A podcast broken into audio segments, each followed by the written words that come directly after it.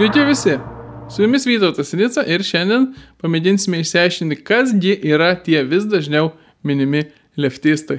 Leftistai tikėti skamba vis dažniau. Skamba laidose, straipsniuose, politikų diskusijose, net ir paskaitose. Pats prieš keletą metų dėstydamas Vilnius universitete studentam vengdavau vartoti šitą, na, dar kol kas nekonvencinį terminą, bet pastebėjau, kad jie patys pirmi pradeda savo diskusijos ir atsakymuose jį vartoti, vadinasi, galima. Vartoja visi, reikia galų galę suprasti, kas tai yra ir kaip atskirti leftistus nuo liberalų. Leftizmas, naujasis marksizmas, kultūrinis marksizmas, neokomunizmas ir dar keli pavadinimai. Visa tai yra to paties reiškinio sinonimai, bent tiek, kiek mums apskritai reikia į tai gilintis. Leftizmas yra plačiausiai naudojamas ir populiariausias, kultūrinis arba naujasis marksizmas yra, na, akademiškai galbūt tiksliausia, o neokomunizmas, ypač mūsų politinėme kontekste, geriausiai perteikia istorinį testinumą ir paralelės. Svarbu nepasimesti. Truputis istorijos. Leftizmas gimė tarpukario Vokietijoje, kur veikia Frankfurto socialinių tyrimų institutas, vadintas tiesiog Frankfurto mokykla. Naciams paėmus valdžią, e, daugeliui ryškiausių jo mokslininkų teko bėgti iš Vokietijos, dauguma jų bėgo būtent į JAV. Bėgti jiems reikėjo pirmiausia todėl, kad dauguma jų buvo žydų tautybės. Po karių Amerikoje jie tapo labai įtakingais e, JAV universitetuose, ypatingai Kolumbijos universitete, bet ir ne tik. Per 20 metų po antro pasaulinio karo jie tapo tokiais įtakingais, kad jų idėjos, tos Frankfurto mokyklos idėjos, į kurias toliau gilinsimės, tapo po truputį vyraujančiamis ypatingai socialinių mokslų sluoksniuose, universitetinėse bendruomenėse, tačiau net ir įkvėpė socialinius judėjimus tokius kaip hipiai ar seksualinė revoliucija. Kultūrinis marksizmas siekia atnaujinti senąjį marksizmą, kuriuo rėmėsi Sovietų sąjunga ir jos valdančiai partija.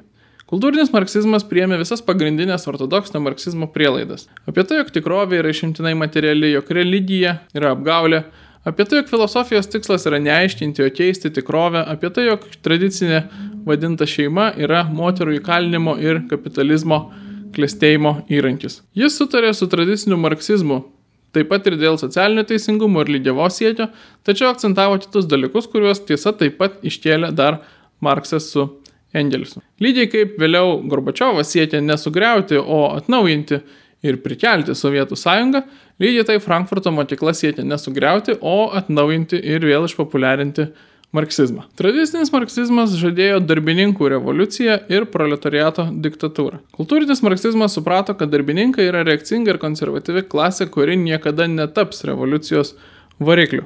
Reikėjo laisvinti ką nors kitą. Ta kitą siūlė patys Markso ir Engelso raštai, juo tapo įvairiausios, o pirmiausia seksualinės mažumos. Kultūrinis marksizmas paskelbė tikslą išlaisvinti iš valstybės prievartos ir tradicinių normų priespaudos visas įmanomas, bet pirmiausiai seksualinės mažumas. Darbininkų revoliucija pakeitė seksualinė revoliucija. Dar Engelsas savo raštuose skelbė, kad būtina panaikinti santokinę vyro ir moters šeimą, kuri yra moterų priespaudos, pasenusių normų perdavimo vaikams ir kapitalo kaupimo, taigi neligybės gilinimo vieta. Engelsas rašė, kad šeimos panaikinimas turi būti vienu iš komunistų siekių. Dar XIX amžiuje įvairios komunos mėgino tą įgyveninti praktikoje, tačiau ne valstybės lygiu.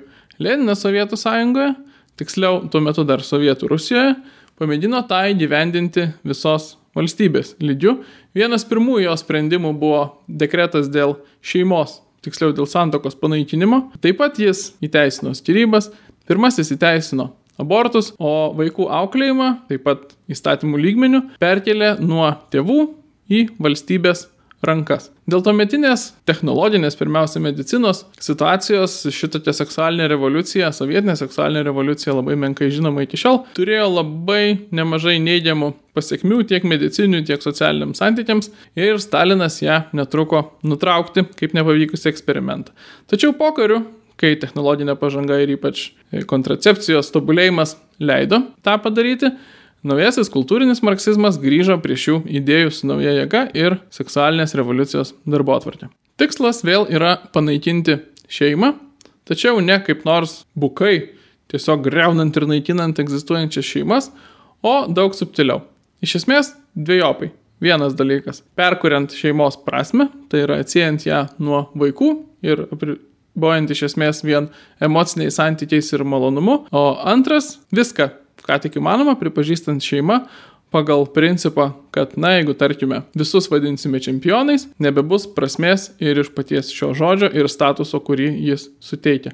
Jeigu viskas yra šeima, niekas nėra šeima. Tikslas yra išlaisvinti individus iš visų tradicinių normų, dar daugiau iš visų dominuojančių normų, kurias įtvirtina valstybė. Siekiama ne iškovoti, kad būtų toleruojamas nuodėmingų, įdingų ar dar kitaip netinkamų laikomas elgesys, siekiama iškovoti, kad apskritai dinktų normalumo savoka. Bet koks elgesys būtų laikomas vienodai moraliu ar nemoraliu, vienodai normaliu ar nenormaliu ir tinkamu.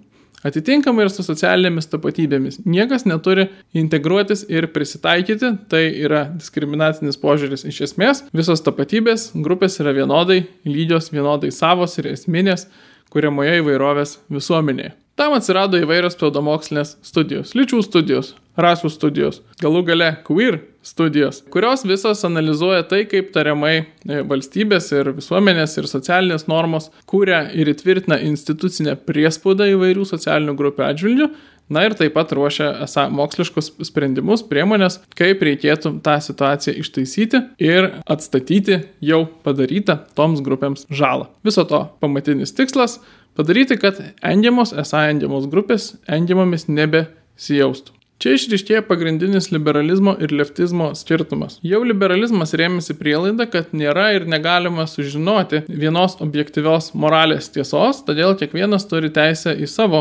moralumo ir gėrio laimingo gyvenimo sampratą. Tai griovė tradicinės normas ir darybių etiką. Tačiau liberalizmas nebandė valstybės galios monopolių paversti šio požiūriu privalomu. Nuoseklus liberalas turėtų nuoširdžiai siekti bent trijų dalykų. Pirma, kuo didesnės, platesnės žodžio laisvės. Antra, kuo mažesnė valstybės kišimosi į žmonių tarpusavio santykius. Trečia, kuo platesnio švietimo, kuris esą išugdys visuomenę, kuri pati pasirinks liberales įstatymų normas ir jų nereikės primetinėti visuomeniai, kuri to dar nenori. Liberalas tad yra prigimtinių normų griovėjas, tačiau jis nesiekia jų primesti neliberaliai visuomeniai prievartą. Leftistas tuo tarpu mano, kad būtina pasitelkti valstybės galios monopolį tam, kad e, tradicinės normos ir normos apskritai būtų išgyvendintos iš valstybės įstatymų ir priešingai, kad įstatymai įtvirtintų visą ko įvairovę ir normų atsisakymą kaip privaloma visuomeniai nepriklausomai nuo jos pažiūrų. Iš esmės yra trys pagrindinės to formos. Pirma, neapykantos kalbos įstatymai, kurie suvaržo žodžio laisvę bausmėmis. Antra, politinis korektiškumas, kuris per vadinamąją cancel culture suvaržo žodžio laisvę neformaliu, neteisingai kalbančių žmonių pašalinimu į visuomenės paribius. Ir trečia, vadinamoji pozityvi diskriminacija, iš esmės kvotos, kurios įstatymų vėlgi įpareigoja sukurti privilegijuotas sąlygas toms esą istoriškai engiamoms grupėms ir pastatyti į sąlyginai blogesnę padėtį tas grupės, kurios esą istoriškai buvo dominuojančios. Beje, Stambulo konvencijos numatomas įpareigojimas panaikinti tradicijas ir papročius, kurie lemiasi stereotipiniais lyčių vaidmenimis,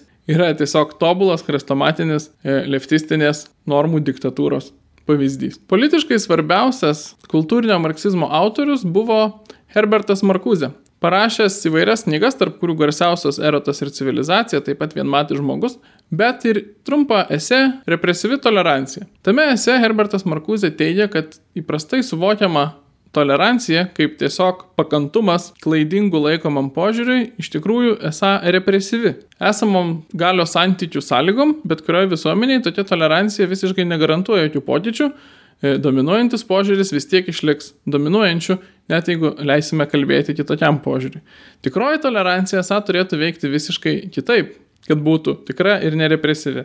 Ji turėtų sukurti privilegijuotas sąlygas tiems naujiems paribių požiūriams, kurie e, nebuvo girdimi ir nėra dominuojantis, ir priešingai užtildyti tuos požiūrius, kurie dominavo ir nustatė normas iki šiol. Tai būtų tikroji tolerancija pagal neomarksizmą. Šiandieninėme pasaulyje visur ir turbūt kasdien matome praktinį to įgyvendinimą. Kai klausite savęs, kodėl žiniasklaida yra visuomenės grupė, apie kurias niekada nekalbama blogai, arba kodėl jūs negalite blogai kalbėti apie kai kurias visuomenės grupės, prisiminkite šį Markuzės tekstą ir šią pastabą. Leftizmas įsigalėjo visame vakarų pasaulyje, o taip pat ir Lietuvoje. Tai logiška, nes leftizmas yra natūrali visų moderniųjų ideologijų raidos baigtis. Lietuvoje šiandien turime tris liberalais besivadinančias partijas ir dar vieną partiją, kuri vadina save e, konservatyvė, bet iš tiesų žinome, kad ji taip pat yra liberali. Visa valdančioji koalicija tad bendrai vardėjama kaip liberali koalicija, tačiau jeigu kalbėtume tiksliai, Lietuvoje apskritai nėra liberalų, Lietuvoje valdančią koaliciją sudaro leftistai. Jiems nerūpi žodžio ir minties laisvė ir jiems nerūpi laisvas visuomenės apsisprendimas. Tačiau jiems labai rūpi visų įmanomų mažumų išlaisvinimas iš įvairiausių tradicinių normų priespaudos. Iš liberalizmo ideologijos niekada nekilo nei seksualinės revoliucijos, nei multikulturalizmo, nei rasinių privilegijų idėjos. Liberalizmas yra tarsi tuščias indas, kuris ką daugiausiai gali pasiekti, tai pasiekia e, atsikratymą ankstesnių vyravusių e, politinių, kultūrinių elgesio ir moralės normų, tačiau nepasiūlo naujų. Jis sukuria vakumą ir į tą vakumą visada ateina arba konservatyvesnė politinė mintis, arba, kaip dažniausiai nutinka šiandienos pasaulyje, kairioji politinė mintis, konkrečiai leftizmas arba neokomunizmas. Šiandien būtent tai ir vyksta Lietuvoje.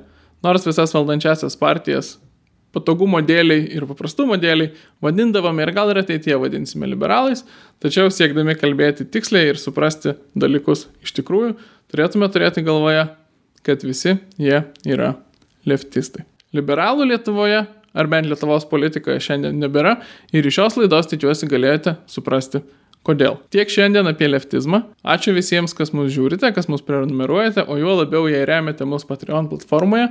Darykite tai ir tie, kas dar to nepadarėt, o kadangi vis dar pavasaris ir tęsiasi pajamų mokesčių deklaravimas, skirkite savo 1,2 procento propatriją sambūriui. E, apačioje rasite aprašymą, kaip tiksliai tą padaryti. Ačiū Jums visiems ir iki kitų kartų.